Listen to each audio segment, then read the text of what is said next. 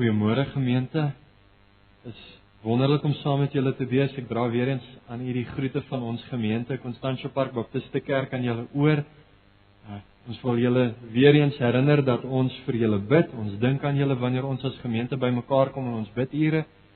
En uh, dis wonderlik dat 'n mens uh, hierdie band kan deel dat ons uh, nie net twee gemeentes is in twee verskillende dele van die stad nie, maar dat ons twee gemeentes is wat deel is van die groter liggaam van Christus en ons prys die Here daarvoor.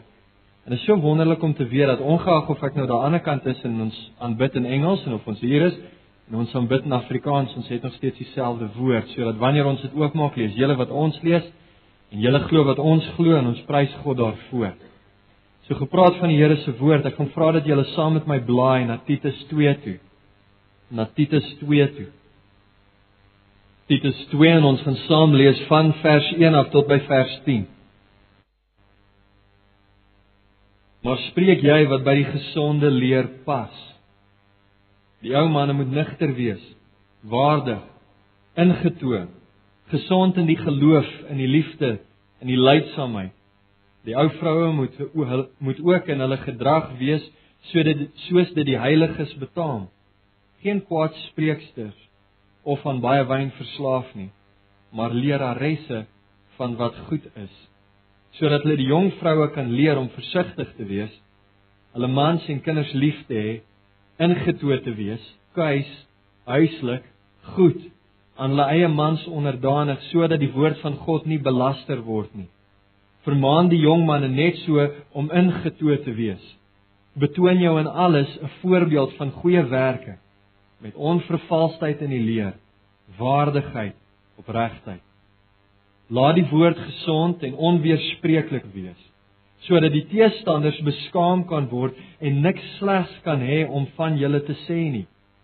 Die diensknegte moet onderdanig wees aan hul eie Here. Hulle in alles behaag en nie teepraat nie. Hulle moet niks ontvreem nie maar alle goeie trou betoon sodat hulle die leer van God, ons verlosser, in alles kan versier. Kom ons bid saam.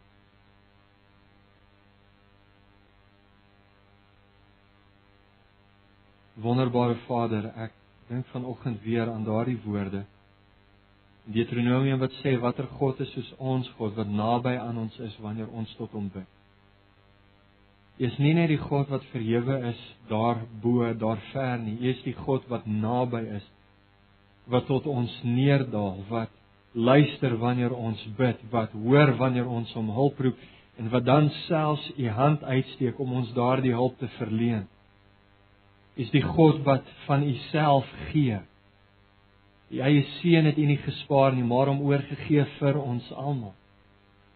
Hy het mens geword en onder ons kom woon en gevind in die gestalte van 'n mens het homself verneder deur gehoorsaam te wees tot die dood, ja selfs die dood aan die kruis. En selfs nadat ons Here Jesus Christus opgeneem is in heerlikheid, het U nog steeds tot ons neergebuig.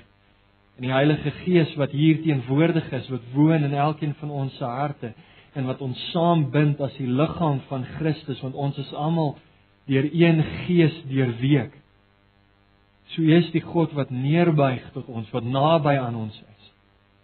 En Here, dit is vir ons wonderlik om te weet dat wanneer ons bymekaar kom, is U op 'n besondere manier naby. Want daar waar twee of meer vergader is in U naam, daar is U in hulle midde. Ons prys U vir hierdie waarhede. Ons prys U vir hierdie wete en bid dat U asseblief in hierdie oomblik ons bewus sal maak van U teenwoordigheid. Dat U ons bewus sal maak daarvan dat U in ons midde is en dat U hier teenwoordig sal wees, Heer, om te seën. Want ons het dit so nodig. Ons het nodig dat U U U lewensbrood, U woord vir ons sal oopbreek sodat dit wat ons daarin sien en lees, dat ons dit sal verstaan, maar meer as dit, Vader, ons wil nie net verstaan nie. Ons wil verander word deur dit wat ons verstaan. Ons wil meer en meer word soos ons Here Jesus Christus en daarvoor het ons u krag en u genade nodig en ons vra dat u daardie krag vermoere sal uitoefen. Here, U het gekies om deur die dwaasheid van prediking die te red wat glo. En om die kerk te reinig en te suiwer daardeur. Wees ons so genadig vermoë. Ter wille van ons Here Jesus Christus ter wille van u eie eer bid ons. Amen.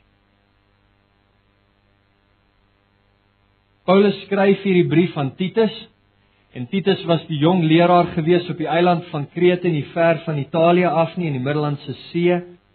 En ons het nie regtig baie besonderhede oor presies hoe die gemeentes op Krete gestig is nie. Wat ons wel weet is dat Paulus nadat hy gearresteer is in Jerusalem en hom beroep het op die keiser as gevangene weggevoer is na Rome toe sodat hy daar verhoor kon word. En op pad na Rome toe op hulle skeepsvaart het hulle gestop by 'n plek met die naam van Mooi Hawens. En Mooi Hawens was op die kus van die eiland van Krete. Hulle was nie baie lank daar nie, maar na alle waarskynlikheid kom Paulus van die skip afgaan aan wal gaan en hy kon nie baie ver gaan nie want Paulus was 'n gevangene. Hy sou onder konstante bewaking gewees het. So hy sou waarskynlik net in en om die hawe self kon beweeg. Maar dis merkwaardig dat ten spyte van hoe beperk Paulus was in plek en in tyd, het hy geleenthede gekry om die evangelie met mense te deel. En van mooi hawens af het die evangelie oor die eiland van Krete versprei en gemeentes is geplant. Nou Paulus kon nie lank bly nie en daarom het Paulus nie tyd gehad om ouderlinge aan te stel en dinge in orde te kry binne in die gemeentes nie en daarom los hy vir Titus op Krete terwyl hulle verder reis, sodat Titus juis dit kan doen. Dat hy kan voltooi wat Paulus begin het. Ouderlinge aanstel, 'n gemeente in orde bring. Nou Krete was nie 'n maklike plek om 'n kerk te plant. As jy in hoofstuk 1 vers 12 lees, sien jy dat Paulus al een van hulle eie digters, hulle eie profete aan en dan sê die volgende: Een van hulle, hul eie profeet het gesê die kretense is altyd leenaars, ongediertes, lui buike. Om die waarheid te sê, Polonius, een van die geskiedskrywers, skryf oor die mense op Krete dat jy nie 'n meer bedrieglike en onregverdige volk op aarde kon vind nie. Cicero het gesê van hulle dat hulle morele standaarde was so skeef dat hulle rowery as 'n eerbare beroep beskou het. Hierdie was nie maklike mense. En tog is dit juis vir sulke mense vir wie Christus gesterf het. En is na sulke mense na wie Titus gestuur is. Hy was veronderstel om onder sulke moeilike mense in moeilike omstandighede die kerk op te bou. Om dinge nog verder te vergemoeilik, om dit nog te vererger, was daar ook dwaalleraars in Krete. So nie net is die mense op Krete moeilike mense gewees nie, maar as oral dwaalleraars gewees wat besig was om die evangelie van Jesus Christus te verdraai en dit 'n lisensie te maak vir sonde. Met ander woorde, Jy het moeilike mense wat al klaar dit baie maklik vind om te sondig en nou kom dwaalleraars en hulle sê vir die mense, julle mag maar sondig want Jesus Christus sal dit vir julle regmaak. Dis asof Paulus vir Titus sê, ja, ek weet hierdie plek is 'n gemors. Ja, ek weet dit gaan moeilik wees. Ek weet daar's valse leraars, ek weet daar's valse lering. Ek weet daar's moeilike omstandighede, maar jy, Titus, Kyk saam met my na vers 1. Maar jy spreek jy wat by die gesonde leer pas. Spreek jy wat by die gesonde leer pas. Met ander woorde, die wyse waarop God hierdie gemors op Krete sou regmaak. Die wyse waarop God die gemeente op Krete te midde van die duisternis rondom hulle sou opbou. Die middel wat hy sou gebruik was Titus se lering en prediking. En hier lê al klaar vir ons 'n les en iets wat ons se gedagte moet hou. Prediking en lering is God se verkose manier, God se verkose middele waardeur hy sondaars red en gelowiges heilig. Dis hoe God werk. Onthou 1 Korintiërs 1, deur die dwaasheid van prediking het God gekies om die te red wat verlore is. En Paulus moedig vir Titus aan en hy sê vir hom hier, maar jy spreek jy wat by die gesonde leer pas. Nou wat 'n mens verwag as jy dit lees? Ons het nou net gelees Daar's dwaalleraars, ons het gelees dat dit moeilike gemeenskap en nou die volgende woorde sê Paulus vir Titus hier, spreek jy wat by die gesonde leer pas. 'n Mens verwag eintlik dat Paulus nou hier in een van sy beroemde teologiese verhandelinge sou instuur en vir ons alles vertel van wat ons glo en vir ons verduidelik wat die gesonde leer is. Maar dis nie wat Paulus doen nie.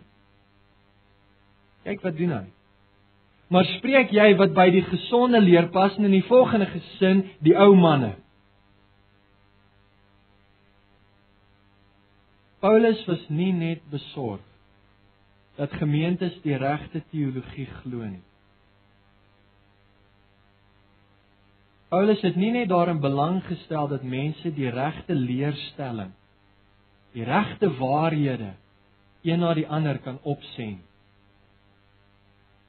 Paulus was nie op Krete of op enige ander plek waar hy 'n kerk geplant het om mense te leer hoe om die 1689 baptiste geloofsbelijdenis punt vir punt op te sê nie. Dit was nie sy primêre belang nie. Paulus het kerke geplant met die hoop dat dit wat hulle glo, die waarheid wat hulle glo, hulle ook sal verander. Dis nie net genoeg om as 'n gemeente die regte dinge te bely nie. Die waarhede wat ons bely, behoort ons lewens te verander en te beïnvloed. Kerke moet lewens leef wat in lyn is met die evangelie wat ons bely. Dit was Paulus se hele punt in Efesiërs hoofstuk 4 vers 1 en Efesiërs hoofstuk 1 tot 3 gee Paulus vir ons hierdie wonderlike verhewe lering, hierdie wonderlike teologie waarin hy vir ons verduidelik van die soewereiniteit van God, ons verlorenheid, God se verlossingsplan wat uitgewerk word in Christus en dan Jood en nie Jood wat bymekaar gebring word, wat versoen word deur Christus met God binne in die kerk. Wonderlike waarhede. Maar dan in hoofstuk 4 vers 1 sê hy die volgende: Ek vermaan julle dan, ek die gevangene in die Here, om te wandel waardig die roeping waarmee julle geroep is. Met ander woorde, hy sê hier is hierdie wonderlike waarhede in hoofstuk 1 tot 3 van Efesiërs en nou wil ek sien dat daai waarhede 'n invloed op julle lewens het en dat julle lewens daai waarhede waardig sal wees. Dis wat Paulus bedoel wanneer hy hier in Titus 2 vers 1 sê, maar spreek jy wat by die gesonde leer pas. Hy praat nie net hier van teologie nie. Hy praat hier van 'n lewe wat verander word deur die teologie wat ons bely. Dis waarvan hy hier praat. Hoekom is dit so belangrik? Hoekom sou Paulus uit 3 hoofstukke een hele hoofstuk in die middel van sy boek hieraan wy? omdat ons lewens so maklik ons leer weerspreek. Baie mense stel nie belang in wat ons te sê het nie omdat hulle dit nie in ons lewens kan sien nie. Hulle kan dit nie in ons lewens sien nie. Paulus sê om die waarheid te sê in vers 4, skus in vers 5, lees saam met my. Hy gee 'n klomp instruksies en dan sê hy hoekom dit belangrik is. Aan die einde van vers 5 sê hy sodat die woord van God nie belaster word nie. Hoekom is dit belangrik? Want as ons lewens nie verander word deur die waarheid wat ons bely nie, dan bring ons oneer op die woord van God. Hy herhaal dit wanneer hy sê in vers 8, kyk net so 'n bietjie verder, laat die woord gesond en onweerspreeklik wees sodat dan word hier's die rede daarvoor sodat die teenstanders beskaam kan word en niks slegs kan hê om van julle te sê nie. Met ander woorde, die kerk moet so leef, ons lewens moet so in lyn wees met die waarheid wat ons bely dat ons vyande nie sleg van ons kan sê nie. Paulus stel dit positief aan die einde van hierdie hoofstuk en ag aan die einde van hierdie gedeelte in vers 10, lees saam met my. Hulle moet alle goeie trou betoon slawe. Hoekom?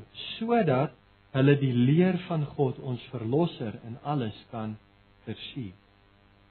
In alles kan versier. Die evangelie gemeenskap, die kerk van die Here Jesus Christus is die middel waardeur God vir die wêreld gaan wys hoe wonderlik, hoe kragtig hoe treffend sy evangelie is. Die kerk is gekies deur God om vir die wêreld te wys hoe wonderlik die evangelie is. Dis wat hy bedoel in vers 10 om die evangelie te versier. Om vir die wêreld te wys hoe mooi dit is. Ons is nie besig met ons lewens om die evangelie te versier soos 'n kersboom waar dit andersins maar net 'n doodgewone boom sou wees, laat dit nou baie oulik lyk nie. Dis nie wat Paulus hier in gedagte het. Ons lewens moet vir die wêreld wys hoe wonderlik die evangelie werklik is. Dis sy punt. Hoe gaan ons dit doen? Hoe gaan ons dit doen? Alles interessant. Paulus fokus Titus se aandag die lidmate en spesifiek die verskillende groepe binne in die kerk. Kyk saam met my. Eerste praat hy van die ouer manne. Tweede in vers 3 praat hy van die ouer vroue. Dan beweeg hy in vers 4 na die jonger vroue en dan in vers 6 beweeg hy na die jonger manne en dan wanneer hy klaar is met die ouer mans, ouer vrouens, jonger vrouens, jonger mans beweeg hy na die slawe in die gemeente. Met ander woorde, hy wil vir hulle wys dat in hierdie hele huisgesin van God, want dit is wat die kerk is, volgens 1 Timoteus 3 vers 15, Binne in die huisgesin van God het elke liewe lidmaat 'n rol om te speel om vir die wêreld daar buite te wys hoe wonderlik die evangelie is wat ons bely. Ek het dit so ingedeel. Julle moet my verskoon, ek hoop nie ek gee enigiemand aanstoot nie. Maar hy praat eers met die gryses, dan met die groenes en dan met die slawe. Die gryses, die groenes en die slawe is maklik om te onthou en ek hoop Jy sal verstaan hoekom ek dit so indeel. Kom ons kyk eers na die gryses, die grys gemeenskap in die kerk. Die ouer manne, die ouer vroue. Eerste die ouer manne, lees saam met my. Die ou manne moet nigter wees, waardig, ingetoe, gesond in die geloof, in die liefde en die lydsaamheid. Eerste fokus Paulus Titus se aandag op die ouer mans. Nou wie was die ouer mans in die gemeente? Wel in die antieke kultuur en die tier, kultuur van die tyd kon 'n ouer man na enige man verwys oor die ouderdom van 40 of 50. So sommige van ons wat ouer manne is en ons sou onsself nie noodwendig daardie titel gegee het nie. 'n Ouer man was enige iemand oor die ouderdom van 40 of 50. Dis mans wat al 'n paar seisoene deurgegaan het. Dis mans wat deur tyd en ervaring 'n soort wysheid en insig het 'n soort perspektief het op die lewe wat 'n jong man nie het nie. En daarom word hulle ook dikwels leiers in die gemeenskappe. Hulle was die persone na wie die ander mense opgekyk het. En dis hoekom Paulus Titus se aandag heel eers op hulle vestig. Hulle voorbeeld in die gemeente is geweldig belangrik. Paulus skryf nie hier in hierdie gedeelte oor daardie manne in die gemeente wat ouderlinge genoem word nie. Hy praat nie hier van die amptelike ampt van ouderling nie. Hy praat hier van ouer mans wat deur hulle voorbeeld en hulle liefde vir die Here leiers in die gemeenskap is. Informeel. Al het hulle nie die titel nie. Ouer mans binne in die kerk. En wat 'n soort mans moet hulle wees? Kyk saam met my. Wat 'n soort mans moet die ouer mans in ons gemeentes wees? Eerstens sê hy hulle moet nugter wees. Vers 2. Die ou manne moet nugter wees. Nou wat beteken dit? Letterlik beteken dit dat hulle beheer gehad oor hoeveel wyn hulle ingeneem het. Maar later het dit 'n metafoor geword vir iemand wat sy begeertes, sy drange, sy drifte kan beheer. Dis iemand met selfbeheersing. Ek het 'n vriend gehad wat doodbang was vir perde. En ons het hom eendag oortuig om saam met ons te gaan perdry. En na ons so 'n paar ure uit was en ons draai uiteindelik terug om terug te gaan stalle toe, toe val een van die ruiters van sy perd af. En jy kan seker raai wat toe gebeur het. Soos 'n pyl uit 'n boog uit het daai perd een pad terug stalle toe gekies. En my vriend se perd sit toe daai perd agterna. Hy het alles in sy vermoë gedoen om daai perd te stop. Uiteindelik het hy moed opgegee, die leiersels laat val, die perd se nek gegryp en vir lewend dood vasgehou totdat hulle terug was by die stal. Hy het nooit weer saam met ons gaan perdry nie. Dis presies die teenoorgestelde van wat Paulus hier in gedagte het. Ouer manne moet juis daardie tipe manne wees wat weet hoe om die leiersels van hulle begeertes vas te vat en dit in toom te hou. Hulle laat nie toe dat hulle drifte, hulle begeertes, hulle belange, hulle drome, hulle wense, hulle so oorheers dat dit met hulle weghardloop nie. Daar mag nie sprake van 'n midlife crisis binne in die kerk wees. Van mans wat paniekbevange hulle self oorgee aan elke denkbare drang of drif wat oor sy pad kom. Die ouer mans in ons gemeentes moet juis hulle wees wat nigter beteeld met selfbeheersing kan optree. Hulle moet 'n voorbeeld daarvan wees. Tweede sê Paulus hierso vir Titus die ou man moenie net nigter wees nie, hy sê hulle moet waardig wees. Waardig wees. Waardigheid beteken dat jy moet 'n sekere respek verdien. Jy moet 'n sekere respek verdien. Daar moet 'n 'n sekere gewigtigheid aan jou lewe wees. So baie keer kry mense situasie waar manne geweeg word deur moeilike omstandighede, deur moeilikhede binne in die kerk of miskien selfs buite en dan te lig gevind word. En dan nie die respek waardig is wat dikwels met grysheid geassosieer word dit mag nie binne in die kerk gebeur. My kollega Willem Bronkhorst herinner my dikwels daaraan dat dit is nie wat jou vriende van jou sê wat bepaal wie jy werklik is nie. Dis wat jou vyande van jou wil sê, maar nie kan sê nie. Wat bepaal wie jy werklik is. Waardigheid gaan nie daaroor dat almal van jou moet hou nie. Asseblief kry daardie idee uit jou kop uit. Ons is nie die mense wat rondloop en wil seker maak dat almal op aarde tog net van ons moet hou nie. Hulle kan ons haat, maar ons lewens moet 'n respek by hulle afdwing. Ons lewens moet 'n bepaalde gewigtigheid en waardigheid hê wat hulle nie kan ignoreer nie. Nouer mans moet voorloop dan. Jy moet so leef dat jy die respek wat grysheid vra waardig Derde sê hy ou man moet nigter wees, waardig wees en dan sê hulle moet ingetoe wees, ingetoe wees. Nou ek moet bely, ek sê ek ek is bietjie jonger. Ek het nie idee gehad wat hierdie woord beteken nie. En ek moes dit gaan opsoek. Wat beteken ingetoe? Nou Toe ek eers die definisies begin opsoek, toe wonder ek, maar is daar nou regtig 'n verskil tussen ingetoe en nigter, tussen selfbeheersing en ingetoe wees? Ja, daar is 'n verskil. Paulus gebruik twee verskillende woorde in die Grieks en hy gebruik dit met 'n rede.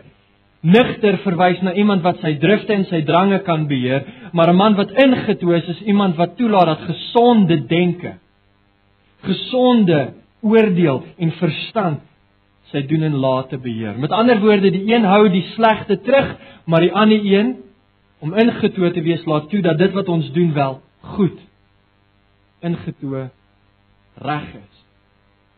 Selfbeheersing aan die een kant wat die goeie wat die slegte stop en selfbeheersing wat die goeie laat gebeur aan die ander kant. Dis hoe die twee woorde verskil. En hierdie was nie 'n algemene eienskap in Krete nie. Hierdie was nie 'n algemene eienskap in Krete nie. Die Kretense soos ons gelees het was leenaars, ongediertes en lui buike. Dit spreek nie van gesonde verstand en aksie. Die gemeente moet anders wees. Gemeente moet anders wees. Waar die wêreld daar buite hulle self oorgee aan genot, waar die wêreld daar buite toelaat dat verkeerde prioriteite bepaal wie en wat hulle is en wat hulle doen, behoort ons binne in die kerk gesonde verstand toe te pas sodat die ouer mans voorloop en toelaat dat Bybels ingeligte gesonde verstand ons lewens rig. En nie wat die wêreld vir ons sê. Selfbeheersing is 'n noodsaaklike eienskap as jy wil doen wat goed is in jou gesin, in jou gemeente of in jou gemeenskap. En ouer mans moet 'n voorbeeld daarvan wees. Gesonde denke moet seëvier. Nou voordat ons verder gaan. Nigter ingetoe, nigter waardig en ingetoe. Waar het ons al voorheen hiervan gelees? Waar het ons al in 'n ander gedeelte in die Bybel hierdie eienskappe so bymekaar gehoor? Dit ekho presies dieselfde kwalifikasies wat Paulus reeds vroeër in die brief genoem het vir ouderlinge. Kyk na hoofstuk 1 vers 7 en vers 8. Want 'n opsiener is 'n ouderling moet as 'n rentmeester van God onberispelik wees, nie eiesinnig nie, nie oplopend nie, geen drinker, geen vegter, geen vuilgewinsoeker nie, maar gasvry, een wat die goeie liefhet, ingetoe, regverdig, heilig, een wat homself beheers. Paulus vat hierdie drie eienskappe wat ons gesien het in hoofstuk 2 vers 2 waar hy praat van dis van toepassing op alle mans, ouer mans, sê hy dat dit is presies dieselfde eienskappe wat God verwag van 'n ouderling. In hoofstuk in dit in 1 Timoteus 3 vers 2 sê hy 'n opsiener dan moet onberispelik wees, die man van een vrou, nigter, ingetoe, fatsoenlik. Presies dieselfde woorde bietjie anders vertaal. Gasvry bekwam om te onderrig. Dit beteken nie dat elke ouer man in die gemeente ouderling moet word nie maar dit beteken wel dat elke ouer man in die gemeente se karakter hom vir daardie amp moet aanbeveel. Dit beteken dat elke man in die gemeente moet streef daarna om iemand te wees wat 'n ouderling karakter het. Ek het al so baie gehoor, uh, veral wanneer 'n mens praat oor die rol van die vrou en jy lees byvoorbeeld Spreuke 31 dat dames na my toe kom, tannies na my toe kom en hulle sê vir my, "Maar hoekom het Salomo opgehou by Spreuke 31? Waar Spreuke 32 vir die mans?" Dis nou maklik om Spreuke 31 te lees, al die verantwoordelikhede van die deegsame vrou, maar waar is Spreuke 32 vir die mans? Hier is dit, die kwalifikasies van 'n ouderling. Mans, dis ons Spreuke 32. Dis waarna ons moet streef. Dis die tipe mans wat ons moet wees. Al het jy nie die begeerte om 'n ouderling te word nie. En al beklee jy nooit die ampt moet jou karakter jou daarvoor aanbeveel. Jou karakter moet jou daarvoor aanbeveel. Hoe word ons sulke mans? Kyk na die laaste deel van vers 2. Gesond in die geloof, in die liefde, in die lydsaamheid. Paulus sê ons moet gesond wees. 'n Ander manier om dit te vertaal, ons moet standvastig wees. Wanneer Paulus praat van gesond in Titus, dan is dit gewoonlik om tussen die goeie en die verkeerde leer te onderskei. Gesonde en besmette leer. En nou sê hy hier dat die enigste manier wat 'n man nugter, waardig en ingetoe kan wees, is as hy gesond is. En wat? Wel eerste in geloof. Met ander woorde, jy is in 'n konstante lewende verhouding met God deur Jesus Christus. Jy het 'n vertroue in Christus, nie in jouself nie. Hy is jou verlosser, hy is jou Here. Daar is 'n band, daar is 'n eenheid tussen jou en Christus. Dis waar dit begin. Ek gee nie om hoe wonderlike man voorgee hy is nie. As jy nie hierdie verhouding met Jesus Christus het nie, is dit net 'n kwessie van tyd voordat jou kaarthuise mekaar instort. Die enigste ding wat jou daar kan kry en jou daar kan hou is 'n lewende verhouding met Christus. Dis eenheid met Christus deur geloof. Dis nie al nie. Hy sê ons moet gesond wees in geloof en in die liefde. Selfopofferende diens. Selfopofferende diens. Ek het die voorreg om partykeer te kuier by ouer mense, nie net in ons eie gemeente nie, maar in ander ouerhuise ook. En dit is vir my so jammer wanneer ek kuier by 'n paartjie waar die ou oom wanneer hy iets wil hê, net sy kierie stamp en sy vrou se naam skryf. Het julle dit al gesien? Skryf die tannie se naam, stamp sy kierie en dan kom sy aan met die tee. Dis nie wat Paulus hier in gedagte het nie. Mens wil lag as dit nie so tragies was nie. Dis nie wat Paulus hier in gedagte het nie. Ons moet gesond wees in liefde, selfopofferende diens. Mans, daar kom nooit 'n punt wat ons kan terugsit en sê, "Oké, okay, nou moet iemand anders dit doen." Daar kom nooit daai punt. Nie net geloof en liefde nie, maar ook in lydsaamheid. In lydsaamheid. Met ander woorde, hoop dra jou deur moeilike omstandighede. Jou hoop in Christus onderhou jou, versterk jou, tel jou op in moeilike omstandighede. Hoe langer ons leef, hoe meer kom ons agter wat fout is met hierdie wêreld. En hoe meer word ons versoek om bitter, om depressief, om somber te raak. Ouer mans moet voorbeelde wees van van gelowiges wat te midde van moeilike omstandighede aanhou, volhou en verdra in lydsaamheid omdat hulle hoop in Christus het. Met ander woorde, geloof, 'n lewende verhouding met Christus, liefde, selfopofferende diensbaarheid en lydsaamheid. Hoop wat jou aan wat jou aanmoedig en aanspoor wanneer ander mense ophou. Daai 3, as jy vas staan in dit, dan vorm God jou karakter. En jy word die tipe man van wie Paulus hier praat in vers 2. Dis wie ons ouer mans moet wees. Dis wie ons ouer mans moet wees. Verstaan mooi. Dis nie besondere gawes, verstommende talente of 'n reuse intellek wat van iemand 'n man van God maak nie. Die valse leraars van wie Paulus hulle waarsku in hoofstuk in hoofstuk 1 vers 10 het al hierdie eienskappe gehad en dis juis wat hulle so gevaarlik gemaak het. Hierdie charismatiese persoonlikhede en almal dink ja, hy hy is 'n leier. D.L. Moody kon nie spel om sy lewe te red nie. Maar hy was 'n man van God. Want sy lewende verhouding met Jesus Christus, die waarhede wat hy bely het, het hom verander. En jy kon dit sien. Dis ons ouer mans. Wat van ons ouer vroue? Wat van ons ouer vroue? Ons is nog steeds besig met die gryses. Die ouer vroue in die gemeente. Luister wat sê Paulus, die ouer vroue, die ou vroue moet ook in hulle gedrag wees soos dit die heiliges betaam, geen kwaadspreeksters of aan baie wyn verslaaf nie, maar leraresse van wat goed is. Wanneer Paulus praat van die vroue in die gemeente, dan fokus hy eers Titus se aandag op die ouer vroue in die gemeente. Nou hierdie is vroue wat nie meer aan die onderkant van die heuwel is nie. Hulle het al redelik gevorder teen die berg en van waar hulle staan, het hulle baie beter perspektief en uitsig op die pad as wat van die jonger vroue het wat nou net begin. Jy ken die slaggate, jy ken die draaie, jy ken die moeilike opdraande en jy weet ook waar die plekke van rus is.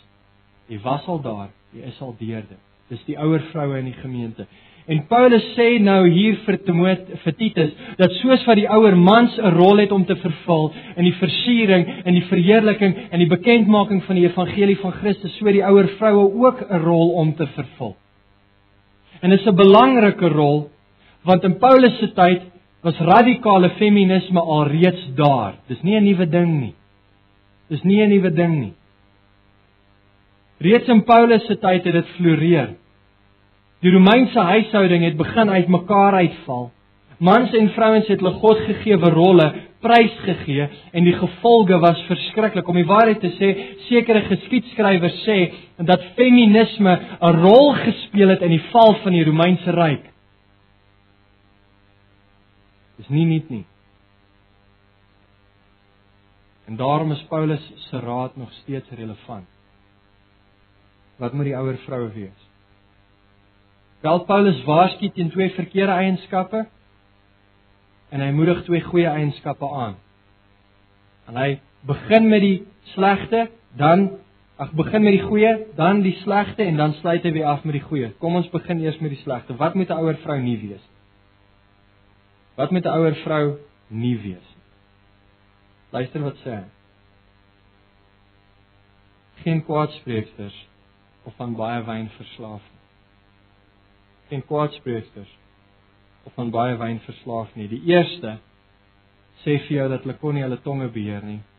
Die tweede sê Hulle kon nie hulle begeertes, hulle drifte beheer nie.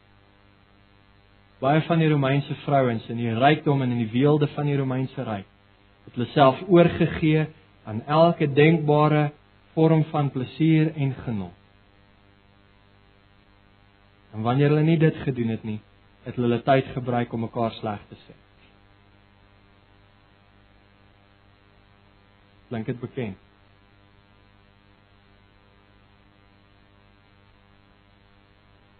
Dit moenie in die kerk wees nie. Dit moenie in die kerk wees nie. Geen ouer vrou in hierdie gemeente mag ooit daarvan beskuldig kan word dat sy 'n kwaadspreekster is of iemand is wat in haar ou dag die waardes van haar jeug laat vaar het. Elke jong mens in hierdie kerk moet weet dat wanneer hulle met 'n ouer dame in hierdie gemeente praat, dat hulle geheim veilig is by haar. Elke jong mens in hierdie gemeente moet weet dat wanneer die tannies wel hulle name noem, is dit nie om hulle sleg te sê nie. Maar om vir hulle te bid. Kwaadspreekster kan 'n kerk vernietig. Ek bid is nie waar hier nie. Ek ken julle nie. So niemand kan na die tyd na my toe kom en sê, "O, jy het na my gekyk." Ek kyk na almal van julle. Mag dit nooit waar wees van enige van ons kerk. Sy moenie 'n kwaadspreekster wees nie. Sy moenie iemand wees wat haar oorgee aan haar drifte of begeertes nie. So wat moet sy wees? Kyk saam met my. Gedrag soos gedrag wees, hulle gedrag moet wees soos dit die heiliges betaam en hulle moet leraresse wees van wat goed is. Daai eerste een, hulle gedrag moet wees soos dit heiliges betaam, beteken letterlik hulle gedrag moet gewyd wees. Paulus gebruik priestertaal om vir die ouer dames in die gemeente te verduidelik hoe hulle lewens moet wees. Jou lewe moet jou aanbidding van God reflekteer. In alles wat jy doen, moet mense kan sien dat jy is 'n dienaar is 'n liefhebber, is 'n gelowige, is 'n volgeling van Christus. Hulle moet dit kan sien. Jou lewe moet jou eerbied, jou toewyding en jou respek vir God weerspieël. Die negatiewe eienskappe reflekteer Romeine 3 vers 18 tipe lewe. Romeine 3 vers 18 sê daar is geen vrees van God voor hulle oë nie. En baie mense leef so. Hulle leef sonder enige gedagte aan God of agting vir God. Maar binne in die gemeente moet ouer vroue 'n Psalm 16 vers 8 tipe lewe leef. Ek stel die Here altyd deur voor my. Jy leef in die konstante bewustheid van God se teenwoordigheid. Jy weet die Here is met. Jy weet die Here sit nie gehoor en hy sien alles. Jy weet dit. En jou lewe wys dat jy dit weet. Dis die eerste ding, maar dis nie al nie. Kyk aan die einde van vers 4. Ekskuus, einde van vers 2. Leraresse van wat goed is. Leraresse van wat goed is. Vir wie moet die leer vir wie moet die ouer vroue hierdie goeie dinge leer? Die volgende geslag. Elizabeth Elliot sê met som dit baie mooi op. Luister gou hierna. Dit sou jonger vroue help om te weet dat daar gewillige ore is wanneer hulle nie weet wat om te doen met 'n man wat nie wil kommunikeer nie. 'n 25 pond kalkoen wat nie wil gaar word nie, en 'n 2-jarige 2-jarige wat nie wil luister nie. Paulus het waarskynlik nie Bybelklasse of seminare of boeke in gedagte gehad toe hy praat van ouer vroue wat jonger vroue leer nie. Hy het verwys na die eenvoudige goed, die alledaagse voorbeeld, die gewilligheid om vir 'n tyd jou eie belange op sy te sit sodat jy met 'n bekommerde maag kan bid. Sodat jy saam met haar die pad na die kruis toe kan loop. Terwyl dit van jou baie geduld, selfloosheid en liefde vra. En om dan vir daardie jong ma te wys in die eenvoud van maandag tot saterdag om 'n stil hart voor die Here te bewaar. Dit moet die tipe verhouding wees wat daar tussen is tussen die geslagte is in die kerk. En van die tragiese realiteite van die moderne kerk is ons skei die geslagte, nie waar nie? So baie kerke het 'n het 'n hulle noem dit 'n tradisionele diens en en dan die jong mensdiens. En dan het jy gewoonlik die ouer mense in die een diens en jonger mense in die ander diens en die twee groepe kom nooit bymekaar nie. Dis nie kerk nie. Dis nie kerk nie. En ongelukkig moet ek hier meer met die jonger mense praat as met die ouer mense. Ons het die ouer mense nodig. 'n Vriend van my plant kerk in Johannesburg en hy deel nou die dag met my dat hulle grootste gebedsversoek vir hulle gemeente op hierdie stadium is dat hulle meer ouer mense in hulle gemeente kan hê. Want hy sê daar is so baie passie onder die jong mense, maar so min wysheid om daardie passie te rig dat hulle dreig om chaos te saai. Ken julle dit? Ons het die ervaring, die wysheid, die kalm hand van 'n ouer geslag nodig. En hulle het ons passie en opgewondenheid en entoesiasme ook nodig. Ons kan nie die een sonder die ander. Die twee geslagte moet saam in die kerk wees. Dis hoekom Paulus dit aan Titus skryf. Die ouer geslag vir die jonger geslag leer. Dit is hoe kerke 'n blywende impak op 'n gemeenskap. Dit is hoe kerke 'n nalatenskap het wat van geslag tot geslag duur. Is wanneer die een geslag die waarheid toe vertrou aan die volgende. En dis waarvan hy hier praat. Dit is nie 'n uitnodiging om op elke denkbare geleentheid jou opinie te deel. Net so terloops. Dis 'n uitnodiging om vir die jonger geslag te wys watter effek die waarheid op hulle lewens behoort te hê. Hoe die evangelie impak het op hulle huwelik, op hoe hulle hulle kinders grootmaak, op hoe hulle hulle dra binne in die kerk. Dis 'n uitnodiging om hulle te bemoedig en aan te spoor. Om hulle te bevriend en in liefde te begelei. Dis wat Paulus hiervan praat. Nou ongelukkig het ons nie tyd om te kyk na die groenes nie. En ek hoop die gryse sal my vergewe as ons vanoggend net met julle gepraat het, maar daar's 'n rede daarvoor. Die ouer geslag in die gemeente loop voor. Ouer mans, as julle die voorbeelde is wat God van julle vra om te wees, dan sal die jonger mans julle volg. Ouer vrouens, as julle die voorbeelde is wat God van julle vra om te wees, dan sal die jonger vroue julle volg. En wanneer elke geslag binne in die kerk sy rol vervul, dan gebeur vers 10. Dan word die evangelie van Jesus Christus versien. Dan sien die wêreld daar's iets anders in die kerk. Dan sien die wêreld dat ja, tussen die geslagte kan daar 'n verhouding, kan daar liefde, kan daar selfs vriendskap wees. Ja, binne in die kerk is dit anders. Kyk watter effek het die evangelie op daardie mense. Op die eiland van Krete het hulle 'n eiland wat gevul is met leenaars, ongediertes en lui byke en dan kyk hulle na die kerk en dan sien hulle die een geslag na die ander wat godsvreesend is, wat Jesus Christus volg ten spyte van die koste, ten spyte van die moeilike omstandighede, wat hom liefhet en hom dien. En hulle sien dat dit gebeur geslag op geslag. Dit is nie net 'n verbygaande foefie nie. Dis blywend, dis standvastig. En die wêreld sien dit. Die evangelie van Jesus word versoek. Hulle kan ons evangelie verwerp.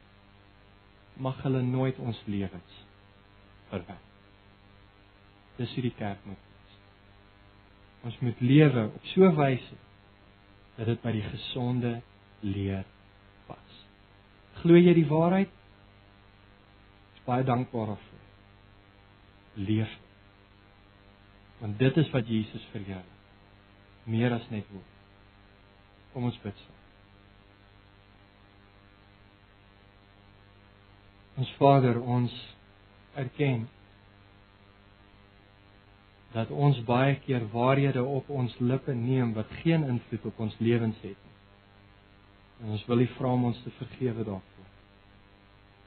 Ons wil U vra dat U ons elke kerk, Constantia Park en Antipas gemeente sal maak waar die een geslag die waarheid toe vertrou aan die volgende.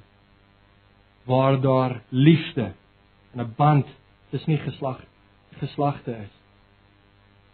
Sodat die een generasie kan volg op die volgende en daar 'n blywende nalatenis nalatenskap kan wees. 'n Blywende impak, 'n blywende lig te midde van die duisternis waarmee ons omring is. Ons wil lewens leef wat Jesus Christus verheerlik. Ons wil lewens leef wat die waarheid wat ons bely reflekteer. En daarvoor het ons u genade nodig. Ons kan dit nie op ons eie doen nie. Ons dankie vir die kruis. Daar is ons sonde versoen. Daar is ons geregtigheid voor God verseker. Daar is ons wedergeboorte. Daar is ons verheerliking gekoop.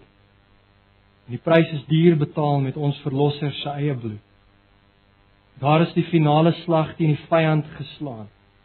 En ons sien uit na daardie dag wanneer die finale oorwinning aangekondig gaan word. Die hele wêreld sal dit sien en elke tong sal bely en elke knie sal buig dat Jesus Christus is Here tot lof en eer van God die Vader. Here, waar ons vanoggend nagmaal vier. Wanneer ons hierdie brood neem, wanneer ons uit die beker drink, mag ons lewens daardie belydenis waardig wees tot U Heer. Amen.